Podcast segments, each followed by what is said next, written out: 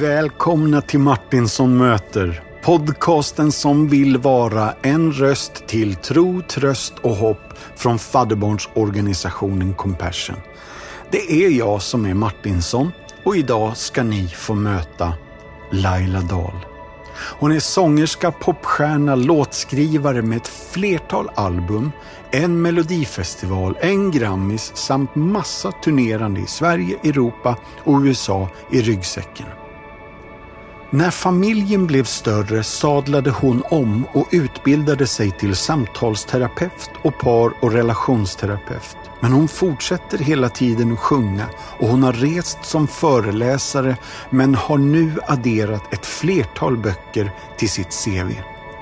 Hon bor i Huddinge i ett på utsidan enfärgat hus men på insidan fullt av färg och driver terapistudion sedan 16 år tillbaka där hon kombinerar sin kreativitet och kommunikation. 2010 kom en kraftig personlig kris som slog omkull hela livet och Laila berättar om vad som hände. Dagens podd ställer försiktiga frågor till Laila som är lite norrländsk hemlig och en mer introvert än en extrovert person. Hur fattade du mod att skriva om allt detta och hur har reaktionerna blivit efteråt? Vi pratar även om den nysläppta singeln Älska mig ändå med undertiteln Skalmans sång. Och så pratar vi om den nya boken som hon skriver på just nu.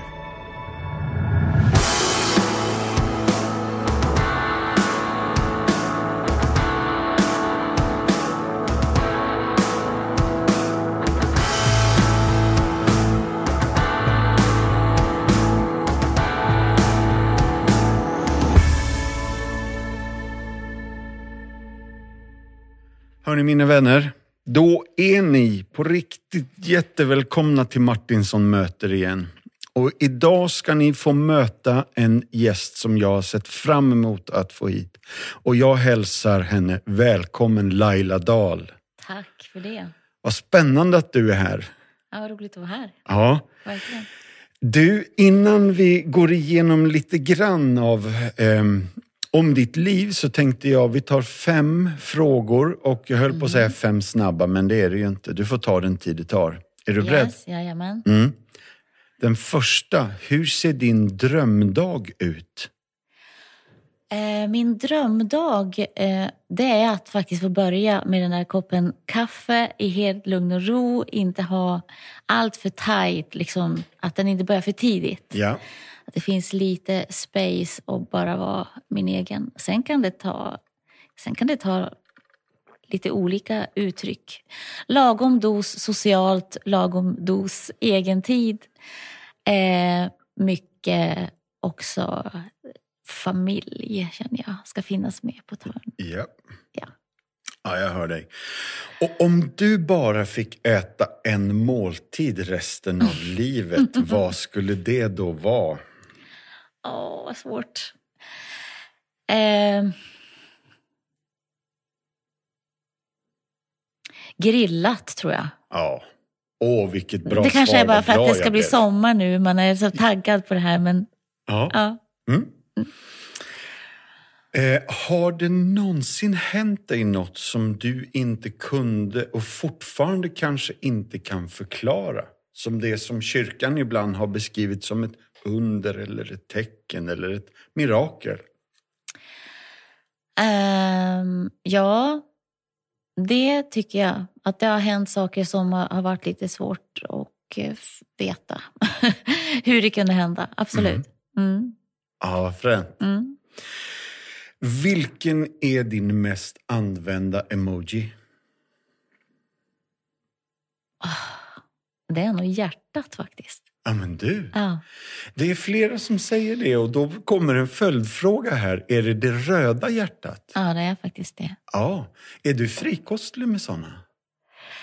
Jag kanske är det. Ja. Ja. Vad mysigt, för jag är lite nervös att skicka röda hjärtan till folk.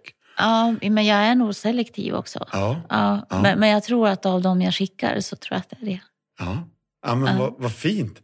Det är ju jättehärligt för de som har fått ett hjärta av dig. Då vet ju de att de är utvalda också. Exakt. Ja. Jag skickar mest de här lila hjärtarna för det känns lite mer safe tycker jag än att skicka ett rött hjärta. Men det tycker jag på ett sätt är klokt. För jag har tänkt lite på det där. Tack. Jo, men jag har tänkt lite på det att jag är ju parterapeut, men Ja. vi kommer ju till det. Ja. Ja, men alltså, jag tänker att ibland kanske man menar ingenting med ett rött hjärta och så tas det som ett rött hjärta. ja.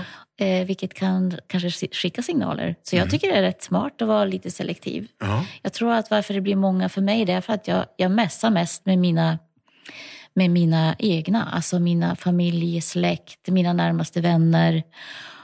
Och eh, jobbvis så är det mycket mejl. ja. Mm.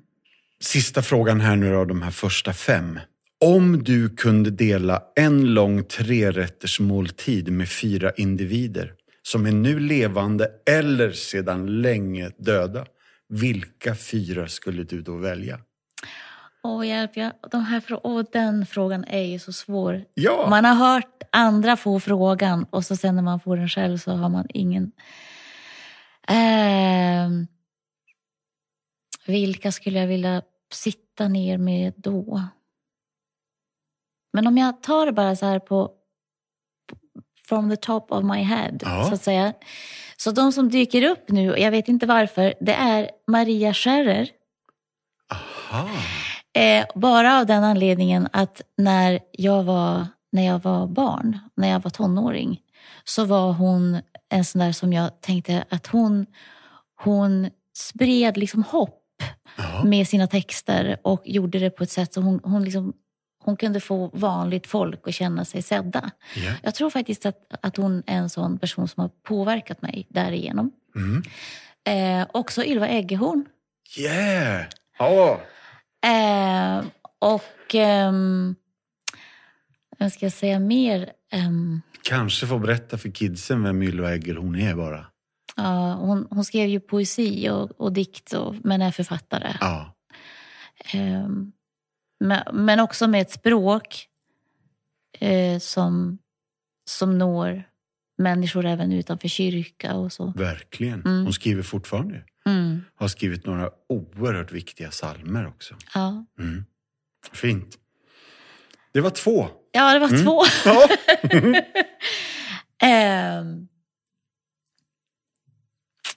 ja, men sen tycker jag att det vore spännande att träffa Kenny Loggins. Men du, vad glad jag blir. Det här är ju så otippat. Ja, men jag bara tar nu det som Ja. spontant kommer upp, sådana som jag tänker har påverkat på något sätt. Hans musik lyssnar jag på väldigt mycket i, Ja. när jag eh, Ja, från att jag fick möjlighet att börja sjunga själv och tills min andra platta. Ja. Det var väldigt mycket Kenny Loggins. High Adventure 1982. Ja, exakt. Hjälp. Alltså. Framförallt den, skulle jag säga. Oerhört avgörande. Hans, både hans sätt att sjunga och... ehm, sen så när man har följt honom lite... Jag såg alldeles nyligen en, eh, på Youtube en, en, eh, där de hedrar honom med något pris. Så här, hederspris för Mm. hans contribution, någonting. Eh, som jag tittar på och ehm, han känns som en väldigt fin, genuin människa. Verkligen. Jag med. Men sen skulle jag vilja sitta ner med, eh, och här finns det flera, men nu tar jag bara en. Min, jag har ju sameblod i mig Ja. och eh, jag skulle så gärna vilja träffa min morfars mamma. Mm. För jag vet att hon betyder mycket för honom och eh, det är en del av min historia som jag vet alldeles för lite om. ja. Yes.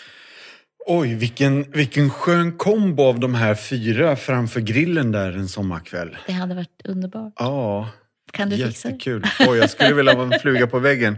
Jag blev lite extra gasad att du valde Kenny Loggins också, för det är verkligen en barndomshjälte för mig. Ja, Ja. men så är det ju. Jag Ja. tror det var en av de första skivorna jag fick. När jag var 11 kanske. Ja. Mm. Nu då Laila. Mm. 15 april 1964, vad hände då? ja, men bland annat så föddes ju jag då Japp, i Dalarna, ja. Ludvika. Ludvika, Eh, Mm. är det där du har växt upp? Nej, Nej? Nej. Mamma och pappa gjorde ett, eh, vad ska man säga, ett, ett, ett litet avhopp ifrån Norrland i ett par år bara. Och jag Mm. föddes där. Så att när, vi var, när jag var två så flyttade de tillbaka till Lycksele, där Just pappa det. är ifrån. Mm. Men mamma är ju som sagt av samesläkt och eh, är, har vuxit upp i Tärna, Ah, Tärnaby. Ja. Eller ovanför Tärnaby till och med. just det. Så, så upp, jag är uppvuxen i Lycksele på dels ett litet område utanför lilla Lycksele stad och sen i en by den större delen av min barndom på 30 gårdar som heter Tuvträsk. Ja, men du. Ja. Metropolen. Eller hur? Ja, Mm. det här är jättefint. Alltså, jag har förstått att det är mycket uppåt landet länge för dig. Men sen har det ju blivit Huddinge länge nu också. Mm. Eh, Ja, Ja. exakt. Eh, ja, men från och med att jag eh, gifte mig så vi, vi bodde uppe i, i Norrland i, vad blir det, två, fyra år sammanlagt. Sen så flyttade vi ner till Stockholm. ja. Så bodde vi vid Årsta, i närheten av Årstafältet några år. Och sen när vi fick vårt första barn så köpte vi hus i Huddinge. Just det. Och efter min skilsmässa så bor jag kvar i huset. Ja. Så att, eh, så att det är en lång, en, en, en lång tid i Huddinge. Mm. Stämmer, 27 år. Ja. Mm. ja, det är bra. Du, samma år som du föddes Mm. så tror jag att det var en nyöppning på världens längsta bro som heter Chesapeake Bay Bridge. Okej. Det är en bro och en tunnel som är 28 kilometer. Och när jag har gjort min research på dig så tänker jag att det där var lite intressant ändå att eh, du föddes samtidigt som den bron. För jag uppfattar att din önskan med musiken och, men framförallt samtalsterapin och det där är liksom ett, ett brobyggande. Eh, och vi har grävt våra tunnlar men liksom vägen leder framåt. Mm. Vad fint. Mm, Ja, men det håller jag med om. ja. Vet du, ytterligare en fin grej är att det året du föddes så fick Martin Luther King fredspriset i Oslo. Aha. Det tyckte jag var coolt. Ja. Och John Coltrane spelade in A Love Supreme. Mm. Ja, Underbart. japp. Men du, Ett bra år med andra ord. mycket bra år. Mm. Mm. Hur kommer man där uppifrån och landar i Huddinge? Och jag har förstått att, att det är ett enfärgat hus på utsidan men det är fullt av färg på insidan.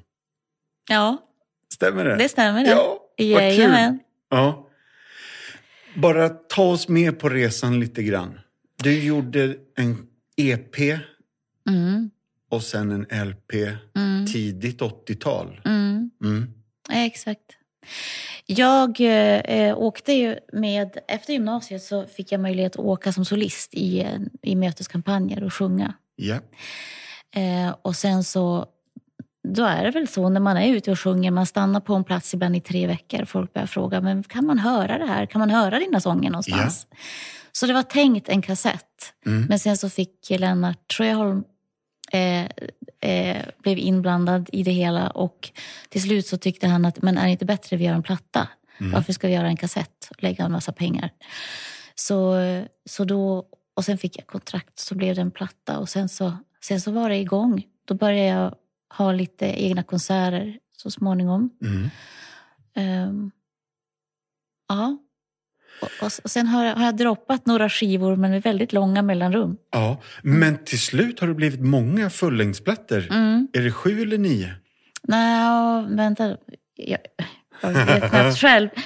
Ska jag säga, det, det är din tid, det är efter regn, guldögon, eh, wacky curtains. Jag tror att det är sju fullängdsplattor. Ja, det, ja, om du räknar de hela engelska versionerna, precis. Då Just blir det. Ja. för, för, för de är också gjorda i engelsk version, två av dem. Just det. Det stämmer. Du har Ja. läst på ordentligt. Ja, men lite i alla fall. Men du, eh, mycket musik under lång tid. Inte bara turnéer i Sverige. Nej. Nej. Nej. ehm, från och med... ehm, ja, men, det var ju mycket musik eh, under 80 och, lite en bit in på 90 i kristna sammanhang. Man hade stora konserter, man åkte runt på stora festivaler och sådär. Ja. Och det fanns ju också den här i Debron, Holland. Eh, en, en, interna, en europeisk, eller internationell kan man säga, för det var amerikanska artister där också. Mm. Och jag fick möjlighet att sjunga där. Så småningom så, så ledde ju det här till eh, att jag också spelade i Tyskland, Holland.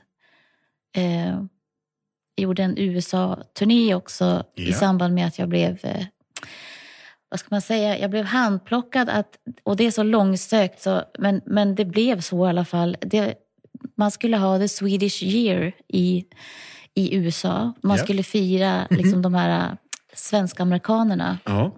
Så att eh, det skulle då bli en turné i Silvia och kungens spår. Så de åkte en turné till olika kyrkor. Mm. Och sen så skulle då några olika representanter för bland annat musik också göra samma sväng på Ja. samma ställen.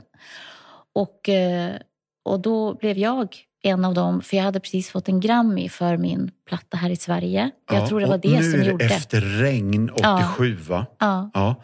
Och den översattes 1990. Nej, Nej. nej, ganska kort efteråt tror jag. Aha, Ja, okej. för vi hade ju den med oss när vi var ute. Då kan jag säga att det står fel på Wikipedia. Men okej. det är bra. Ja, okej. Mm.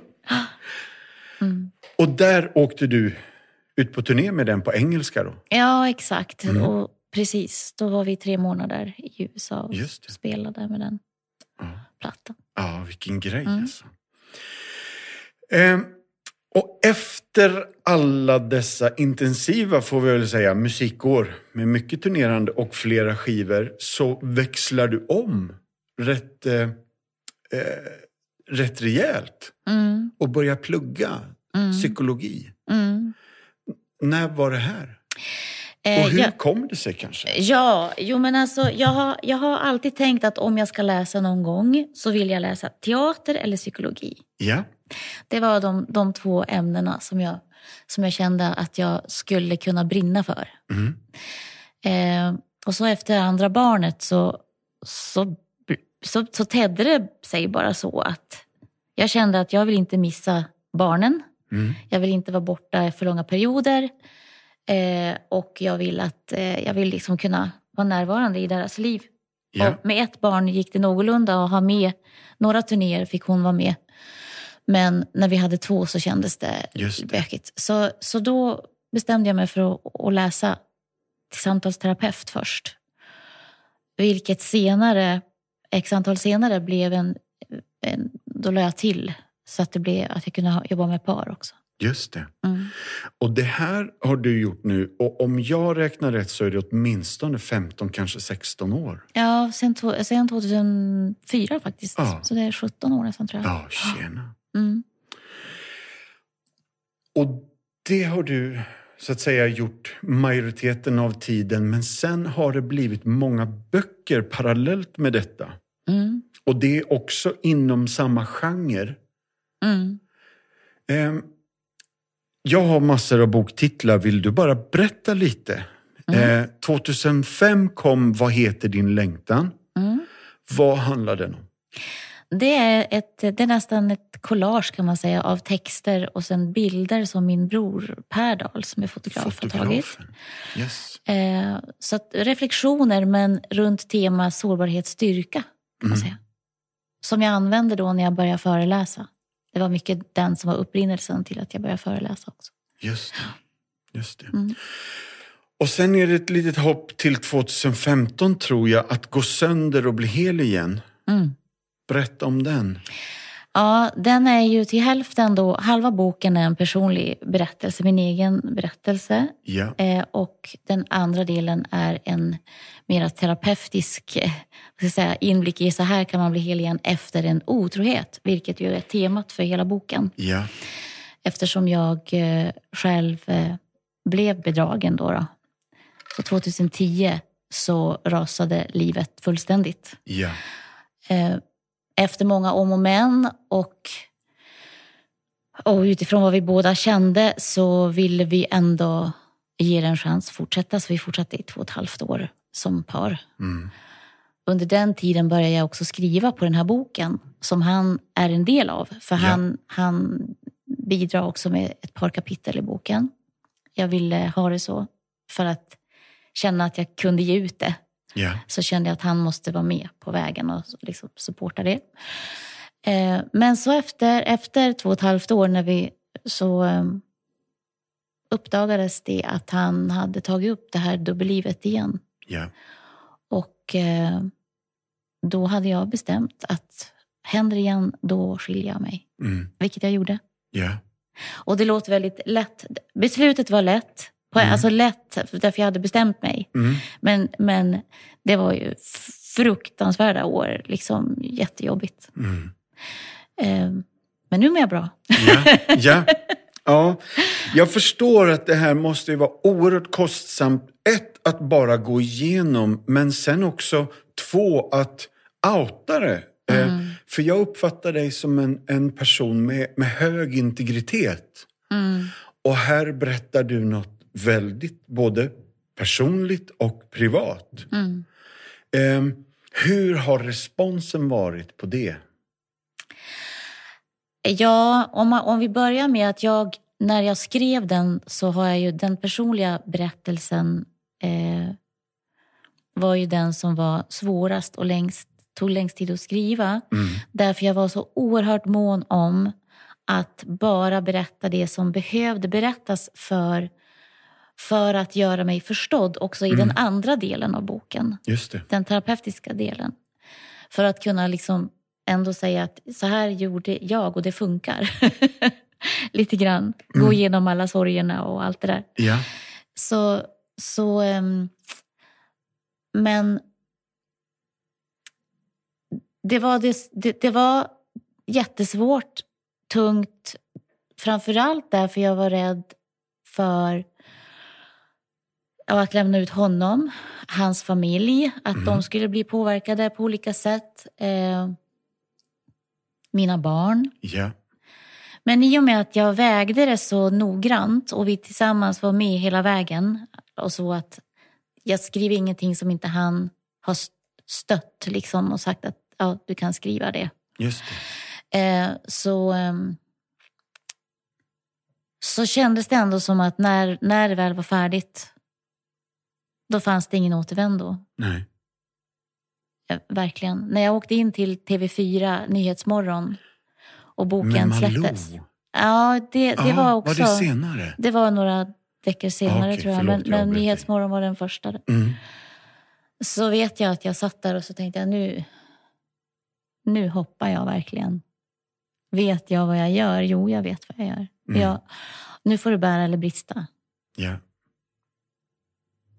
Den där känslan av att vara så säker på någonst- någonstans att jag måste, ja, jag måste göra det här, men jag har ingen aning om vart jag hamnar. Nej.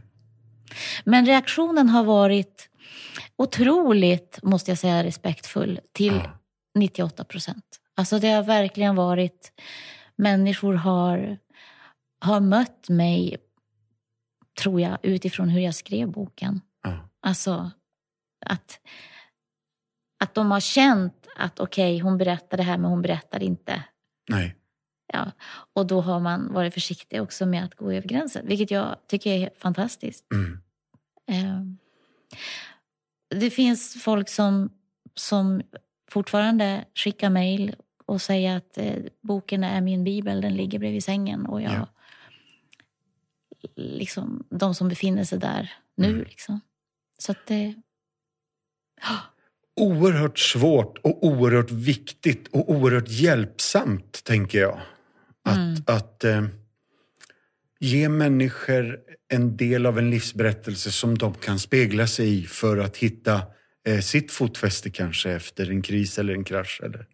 Exakt. Mm.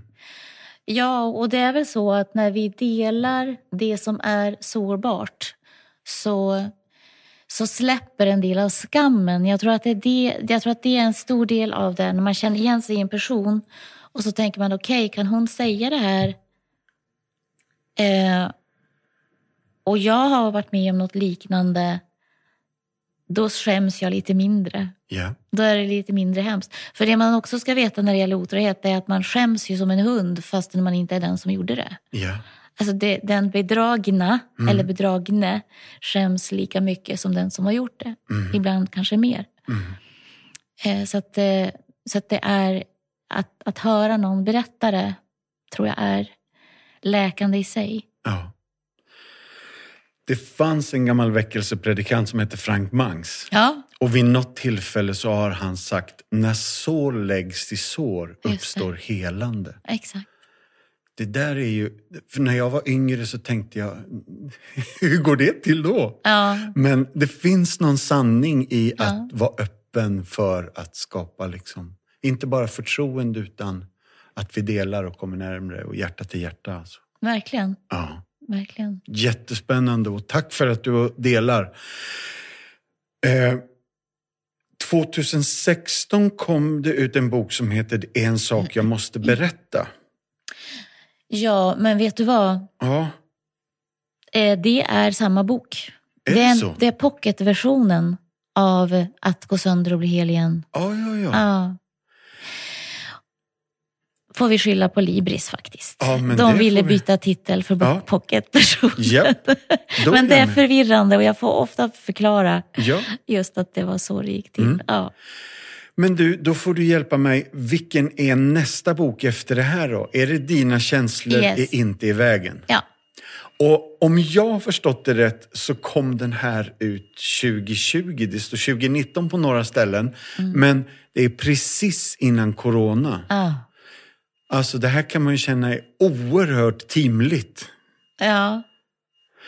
Du skrev boken och sen kom corona och sen gick det inte att resa ut och föreläsa om den. Nej. Nej, Nej. Bara, bara ta oss med lite på hur var, hur var resan framåt med boken där? Ja, alltså marknadsföringsmässigt så blev det ju, blev det ju ett, ett, liksom ett, en dipp därför att tanken var ju att jag skulle ut och föreläsa med den här boken. Ja.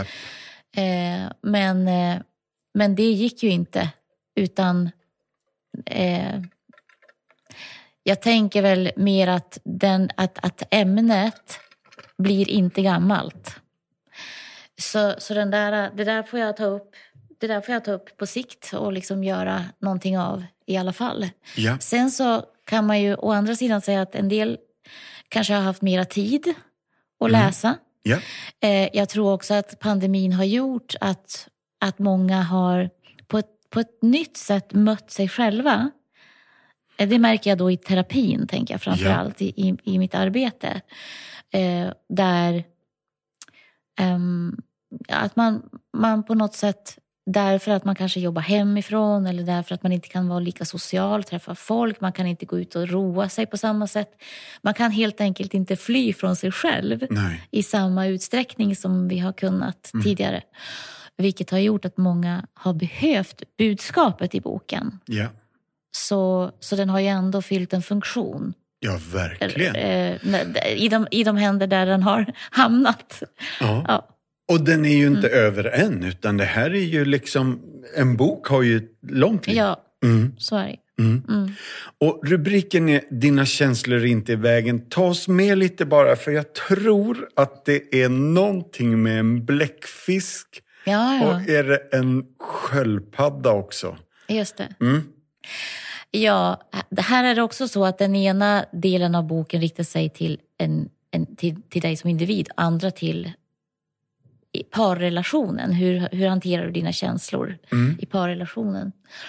Eh, och, och, och bokens eh, kärnbudskap, det är, det, som, det är faktiskt titeln. Dina känslor är alltså inte i vägen, de är redskap för dig Ja. att förstå dig själv och förstå andra. Medan vi många gånger ju tycker att de bara är i vägen. Vi tycker att de ställer till det för oss. Varför ska jag må så här dåligt? Varför ska jag... Men är det någon idé att prata om det här? Vi blir ju bara ledsna och, och tungsinta och sådär. Men att det finns en, en vits med det. Det är ju liksom kärnbudskapet. Sen i del två, där jag pratar om relationer, så, så tar jag den bilden att när vi kommunicerar och hamnar i konflikt med våran, oftast med, framförallt med våran partner eller våra barn, riktigt nära relationer, så hamnar vi i ett av två mönster. Ändra blir jag en bläckfisk som med känslorna på utsidan, som är ordig, som eh, vill få den andra att reagera, prata, möt mig, säg någonting. Mm. Liksom eh, mera upp, synligt upprörd. Eller också så väljer du det andra försvarssättet att krypa in under ditt skal, bli tyst, kanske lämna rummet. Det Mm. finns de som somnar mitt under en konflikt. Alltså man, man kan stänga av den andra personen Ja. Eh, och ehm, genom att då notera att nu är det det som händer och försöka göra tvärtom så kan vi ändra på de här mönstren. Mm. För i, parrelationer så kan vi då ha... Jag ser tre typer av par när det gäller konflikt. Ändå är det två bläckfiskar. De är passionerat förälskade tills det smäller. Då Mm. gör de slut. Mm. Och så är de passionerat förälskade och så smäller det och så blir det bråk och så Mm. gör de slut. Eller bråkar väldigt mycket tills de inte orkar med varandra längre. Mm. Eller också har vi två sköldpaddor som går genom livet mer som två vänner. Inte så mycket bråk. Å andra sidan inte så mycket passion. Mm. Man stoppar under mattan. Till slut är matthögen så hög som man snubblar på, på problemet. Ja. Och kanske leder det då till katastrof. Eller så fortsätter man och biter ihop och får aldrig den där närheten egentligen. Mm. Eh, men den vanligaste kombon är en av varje. Eller att vi blir en av varje med tiden. Man känner att vi har, vi har ihjäl varandra, jag får bli lite sköldpadda här. Ja. Eller tvärtom. Du, eh, jag tror att det nästan är tio år sedan senaste plattan. Mm, Ja. det är det. Men i höstas, hösten 2020, så kom det en ny singel. Ja. Och den heter Älska mig ändå. Mm. Och är det något inom parentes här efter då? Ja, alltså när jag skrev den här låten så tänkte jag just på de här mönstren. Bläckfisk och sköldpadda. Och eh, låten är inte helt, hur ska jag säga, jag har utgått till viss del ifrån, jag var gift med en sköldpadda. Jag själv blir i konflikt med min, mina närmaste blir jag bläckfisk. Mm. Mm. Eh, och, eh, så att man kan säga att det, det är delvis utifrån den relation, att, att leva nära en sköldpadda och veta hur, det, hur de funkar. Mm. Eh, men samtidigt så har jag plockat från andra sköldpaddor som jag har träffat i, i terapirummet. Förstår Just du? det. Så det, det är liksom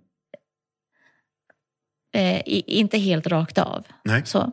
så det var mitt sätt att försöka sätta mig in i hur blir det för en sköldpadda när en bläckfisk går igång? Vad är det som händer? Varför blir det så här? Och då tror jag att för många sköldpaddor så är det just det att man känner sig attackerad, eh, man känner sig kritiserad, eh, man, man, eh, man liksom kryper ihop. Man, man har också en föreställning om att men jag vill inte bråka. Mm. Och det är en god intention. Men vad som ska sägas är att en bläckfisk vill inte heller bråka. Ja, just det. Men man har en helt annan, ett helt annat sätt att försvara sig mot det som gör ont. Ja. Du hör mig inte, du ser mig inte, reagera, säg någonting. Ja, det är liksom, bra. den. Och då ryggar sköldpaddan tillbaka och säger jag vill inte bråka, jag vill inte bråka. Nej. Men det händer jättemycket på insidan Ja. som hamnar under mattan Mm. tills katastrofen. Ja. Ja. Ah, det, det här är jättespännande och mycket intressant. Om jag ger dig några minuter att spå i glaskulan. För nu har ju vi i Sverige och i världen varit igenom en pandemi och vi både hoppas och uppfattar att den på något sätt ebbar ut nu. Mm. Hur mår vi när den släpper? Ja. Alltså... Jag tänker att det är... Det kan vara på, på två helt olika... s- Alltså det händer både det som är smärtsamt ju, men i det som är smärtsamt så händer ju också bra saker. Ja. Så jag tror att vi kommer att gå ut ur det här med en helt ny, liksom en he, helt ny bild. På ett sätt att det, kan, att det känns mer skrämmande Mm. Men samtidigt att vi har, har många av oss mött oss själva i en högre grad. Vi har tvingats vara ensamma. Mm. Eh, vi har tvingats eh, eh, kanske omvärdera saker. Eh, pri, hur, vill jag, hur vill jag prioritera min tid och mitt liv? Mås, äh, må, mår jag verkligen så bra av att ha en fullpackad kalender hela tiden? Mm. Mår jag, kanske, mår jag kanske till och med lite bättre av att ha lite mindre? Och jag hör ju det också klienter som säger nu att en bit in som sa så här att eh, ja, igår satt vi faktiskt och spelade brädspel hela familjen. När gjorde vi det senast? Mm. Och vet du, det var inte tråkigt, det var skönt. Mm. Och så ser man liksom hur det, hur det glittrar till. Det är, no, det är någonting som har hänt. Man har fått kontakt med varandra igen. Mm. Så, så jag tror att har man mött det och har man tagit vara på det så kanske man mår ganska bra när vi kommer ut och ska leva i den vanliga världen igen. Yeah. Eh, men har vi inte vågat ta oss dit så, så tror jag att många också kommer att landa i någon slags förvirring ett tag. Mm. Liksom hur... ehm, så, så jag tänker att det... Enligt mig så tror jag att det, det viktigaste vi kan göra är att stanna upp och fråga oss vad är, vad är det som är bra som jag har med mig? Som, som jag redan nu kan se är bra. Eh, och vad är det som, som jag har upptäckt som jag behöver ändra på? Vad behöver jag ändra på utifrån den här erfarenheten jag har varit med om? För det Mm. går inte, tror jag, att fortsätta exakt bara som förut. Nej. Nej, jag är helt med. Mycket, mycket spännande. Jag tror att, jag höll på att säga att jag ska byta spår, men jag tror inte att jag byter spår. Men det är en grej som du håller på med och jag vet inte om jag avslöjar något nu, men jag tror att jag har googlat fram att du håller på med en ny bok nu. Mm. Och det är någonting med någonting som heter enneagram. Just det. Ja. Och jag har förstått att det finns mitt fysiska centra, mitt emotionella centra och mitt mentala centra och lite sådär. Bara, bara hjälp oss. Jag tror det finns nio strategier och de är uppdelade i tre triader och eh, det låter väldigt systematiskt Ja. så här. Men bara hjälp oss. Ja. Ja, men det här är ett, eh, det är ett eh, verktyg kan man säga för personlig utveckling. Ja. Där man utgår ifrån att när vi var barn Eh, först kommer vi till världen relativt oförstörda. Relativt oförstörda, det beror på vad som har hänt oss i magen också förstås och allt det där. Och, och lite så här eh, sårbarhetsfaktorer, genetiskt och allt möjligt sånt. ja. Men, men vi kommer ändå relativt oförstörda ut. Sen så ska vi då möta vår omvärld och framförallt den, vilka då som tar hand om oss. Våra föräldrar och syskon och den nära omgivningen. Och då behöver vi förhålla oss till den omgivningen på något sätt. Från början så, när vi är riktigt små så förstår vi inte det, men ganska snabbt snappar ju ett barn upp att aha, mamma blir ledsen om jag blir ledsen.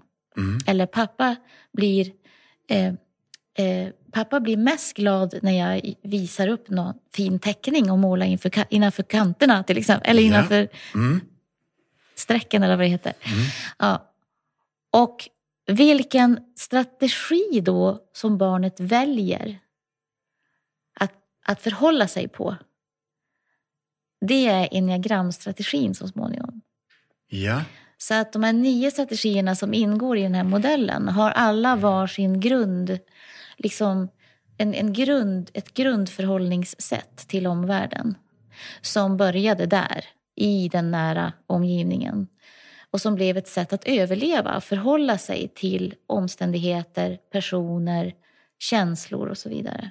Så om jag tar e- ett exempel, vi säger att ettan till exempel som kallas för, förbättraren har som grundstrategi då att göra rätt. Att ha rätt. Ja. Att göra rätt. Att eh, inte måla utanför kanterna.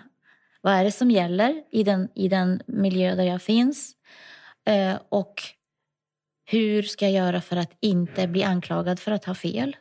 Och så vidare. Så det blir ju en väldigt eh, eh, tillrättalagd person. En person som som vill gott i världen men som har väldigt extremt höga krav på sig själv. Eh, man säger att förbättraren är den som har mesta självkritiken, även om vi alla kan vara självkritiska ibland. Mm. Ja. Om vi då tar en annan då istället, då tar vi sjuan, entusiasten, har ett helt annat förhållningssätt. När, när det barnet växte upp så, så, så kanske det också var svårigheter i familjen. Och det, var, och det var också saker som hände som gjorde att det här barnet behövde hitta en strategi. Men där blev strategin istället, men om jag bara tar lite lätt på det och skojar till. Om jag skojar till saker så, så blir mamma glad igen. Eh, om jag inte låtsas om att det gjorde ont, då behöver det inte bli så obehaglig stämning. Då tycker ingen synd om mig. Ja, så att man blir den här clownen eller den här som hela tiden pratar om det som är lättsamt. Men som får panik när man börjar prata om, om sorg tunga, svåra ämnen. Liksom. Då, bara, åh, då blir det, kryper det i kroppen och Ja. då drar man ett skämt liksom, för att lätta upp stämningen. Så alla nio har varsin sån här grundrädsla och grundmotivation och strategi. Just det. Eh, alltså, jag vet att de här också har färgkombinationer. Så är det, är det en förlängning eller en förstärkning av det här omgiven av idioter? Nej, det är Nej. inte samma system. Nej. Däremot skulle man nog kunna om man... Jag, jag, har, inte, jag har bara skummat faktiskt den boken när den kom. Eh, Den är mera generell skulle jag säga. Ja. Det, det handlar om fyra färger. Och vad, vad har du mest av? Är du mest den här positiva, glada eller är du mest den här eh, relationella personen? Eller är du mest den som är i din aggress- aggressivitet och passion? Eller är du mest i, i den mer logisk analytiska? Det är, de, det är liksom fyra grupper. I enneagrammet så har du ju med alla grupperna i alla strategierna. Just det. Vi har alla tankar, känslor och eh, en slags eh, grundinst eller säga, in, eh, instinktiv del. Maginstinkt, magkänsla. Mm. Ja, mycket, mycket spännande. Och det här håller på att bli en bok nu då? Ja, precis. Och, och, och själva grejen varför, man, varför det är bra att, att skriva en bok om det, höll jag på att säga, och, och läsa om det, det är för att eh, det vi ringar ju inte bara in då att det kanske är den här strategin som, som, som styr mig, utan det är också den som försvårar för mig. Det är den som både bär, liksom gör att jag, att jag är bra på vissa saker, Ja. Men den kan också göra livet lite för tungt därför att den har en akilleshäl. ja. Och genom att upptäcka den akilleshälen så kan man få redskap då för att... Eh, och där tänker jag att jag vill använda min terapeutiska sida då till att också ge verktyg. Så att man inte bara säger att så här, så här, det här kanske är du. Nu vet du det. Utan nu vet du det, men du kan också jobba på det. Just det. På de här sidorna. Mm. Spännande. Kommer det mer musik? Och jag önskar att det, att det ska göra det. Eh, jag hade ju eh, börjat planera faktiskt ett par konserter efter släppet av den här låten. Ja. Men, men eh, det har ju blivit, tagit så lång tid det här med pandemin. Ah, Ja. Så att jag har lagt, lagt ner det lite tills vidare får vi se. Mm. Ja. När, när det blir. Men eh, jag kommer att fortsätta sjunga i mina föreläsningar och eh, sen får vi se när det blir ny musik. Om, om och när. Japp. Jag är med. Du, jag tänker att jag tar några minuter nu och berättar lite om Compassions arbete i fält. Mm. Och sen återtar vi samtalet och så får vi se vart det landar. Yes.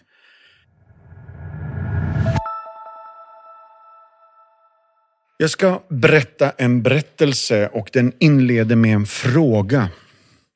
Hur osannolikt är det här?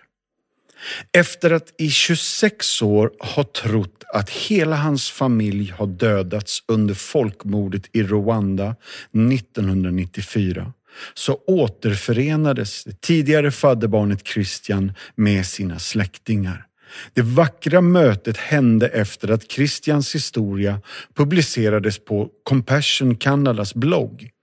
I artikeln berättar han om hur hans far dödades och deras hem förstördes när han var en liten pojke. Det här medförde att han inte ens hade ett fotografi av sin far. Något han längtade efter nästan desperat. Mirakulöst nog kom hans fars bror över artikeln och tog kontakt omedelbart. Farbrorn trodde att hela Christians familj hade dött under folkmordet. När jag träffade Christian första gången var det som att träffa min bror igen, säger Passish, hans moster.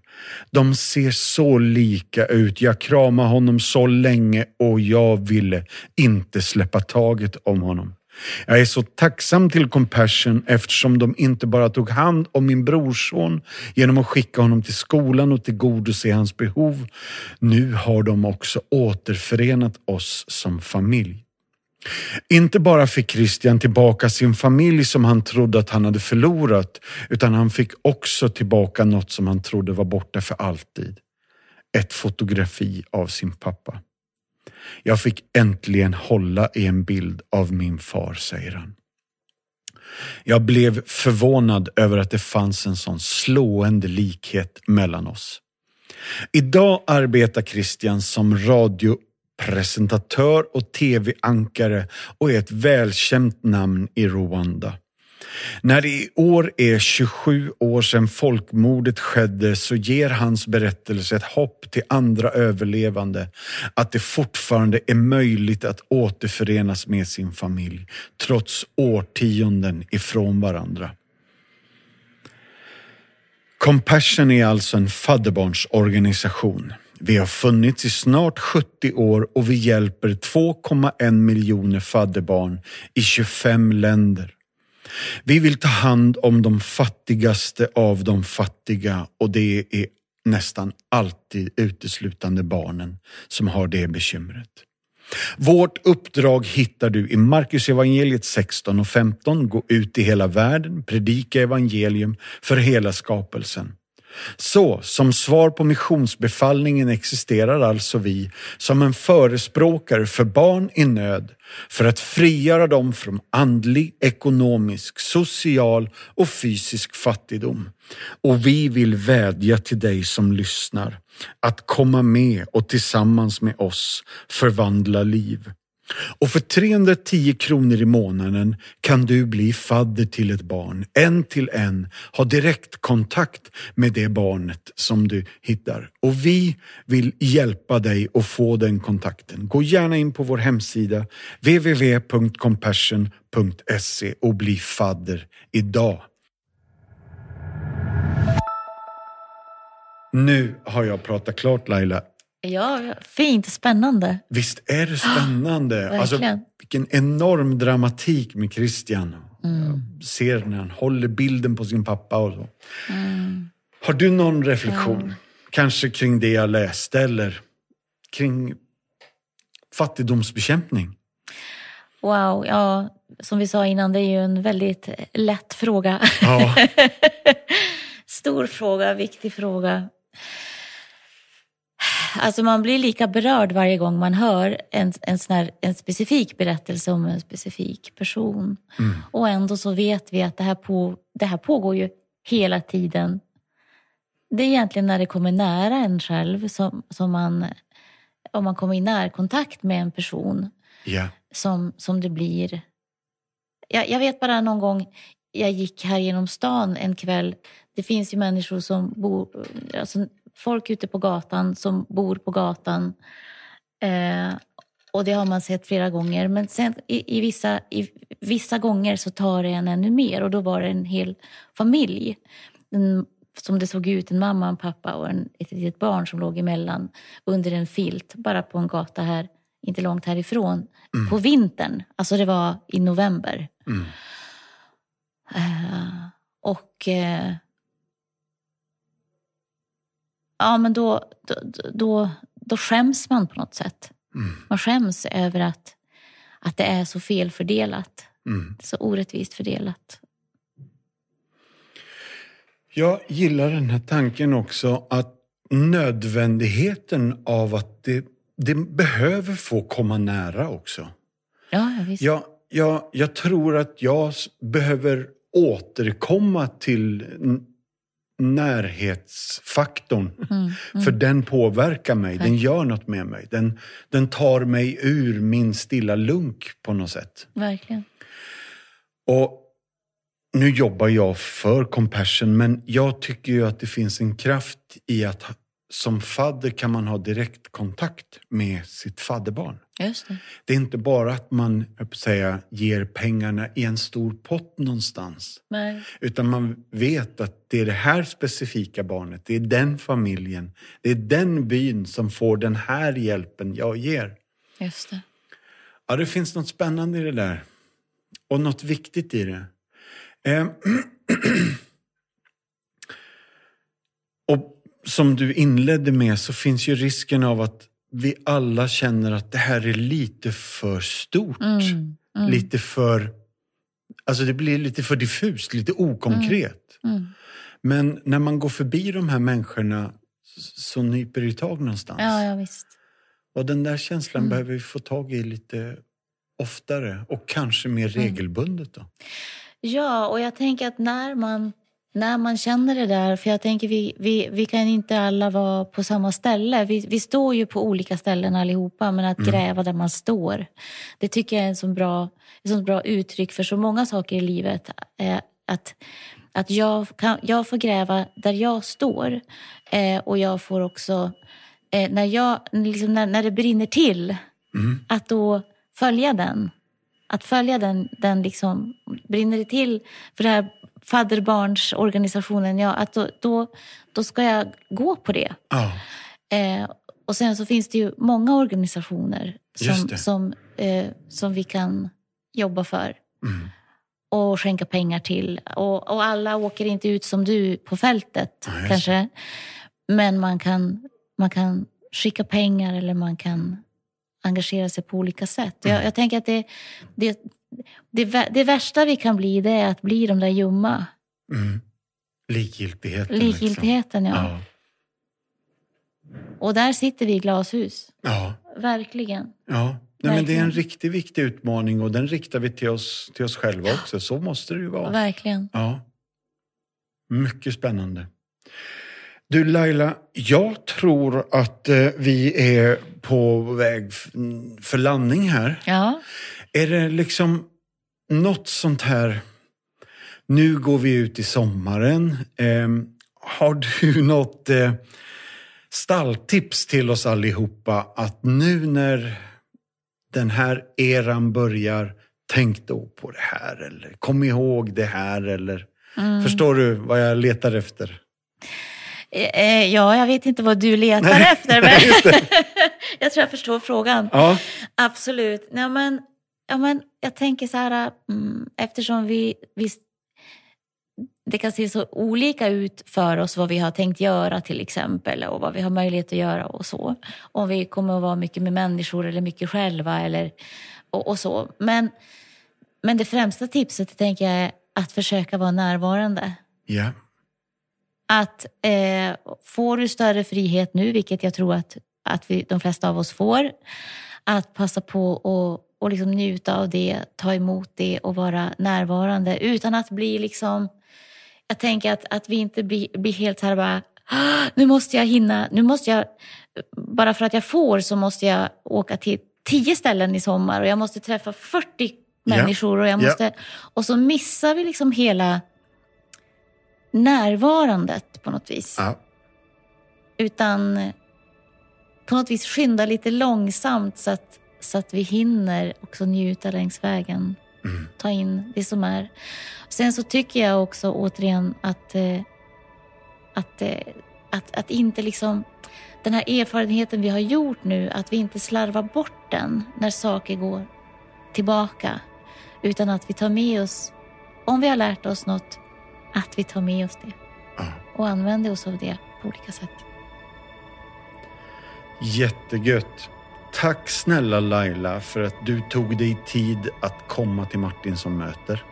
Tack för att jag fick komma. Och tack för att du skriver.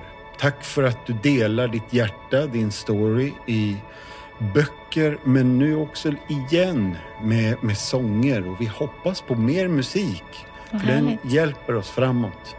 Tack för det. Tack för idag. Tack själv. Slut för idag och tack för idag allihopa. Vill du veta mer om det som har pratats om i podden så har vi något på vår hemsida som heter Show Notes. Där kan du se alla länkar till sånt vi pratar om när vi refererar till en film eller en bok eller en sång. Då finns de länkarna där, så gå in på compassion.se så hittar du helt enkelt massa extra material. Tack, ha det bra, bye bye, hej då!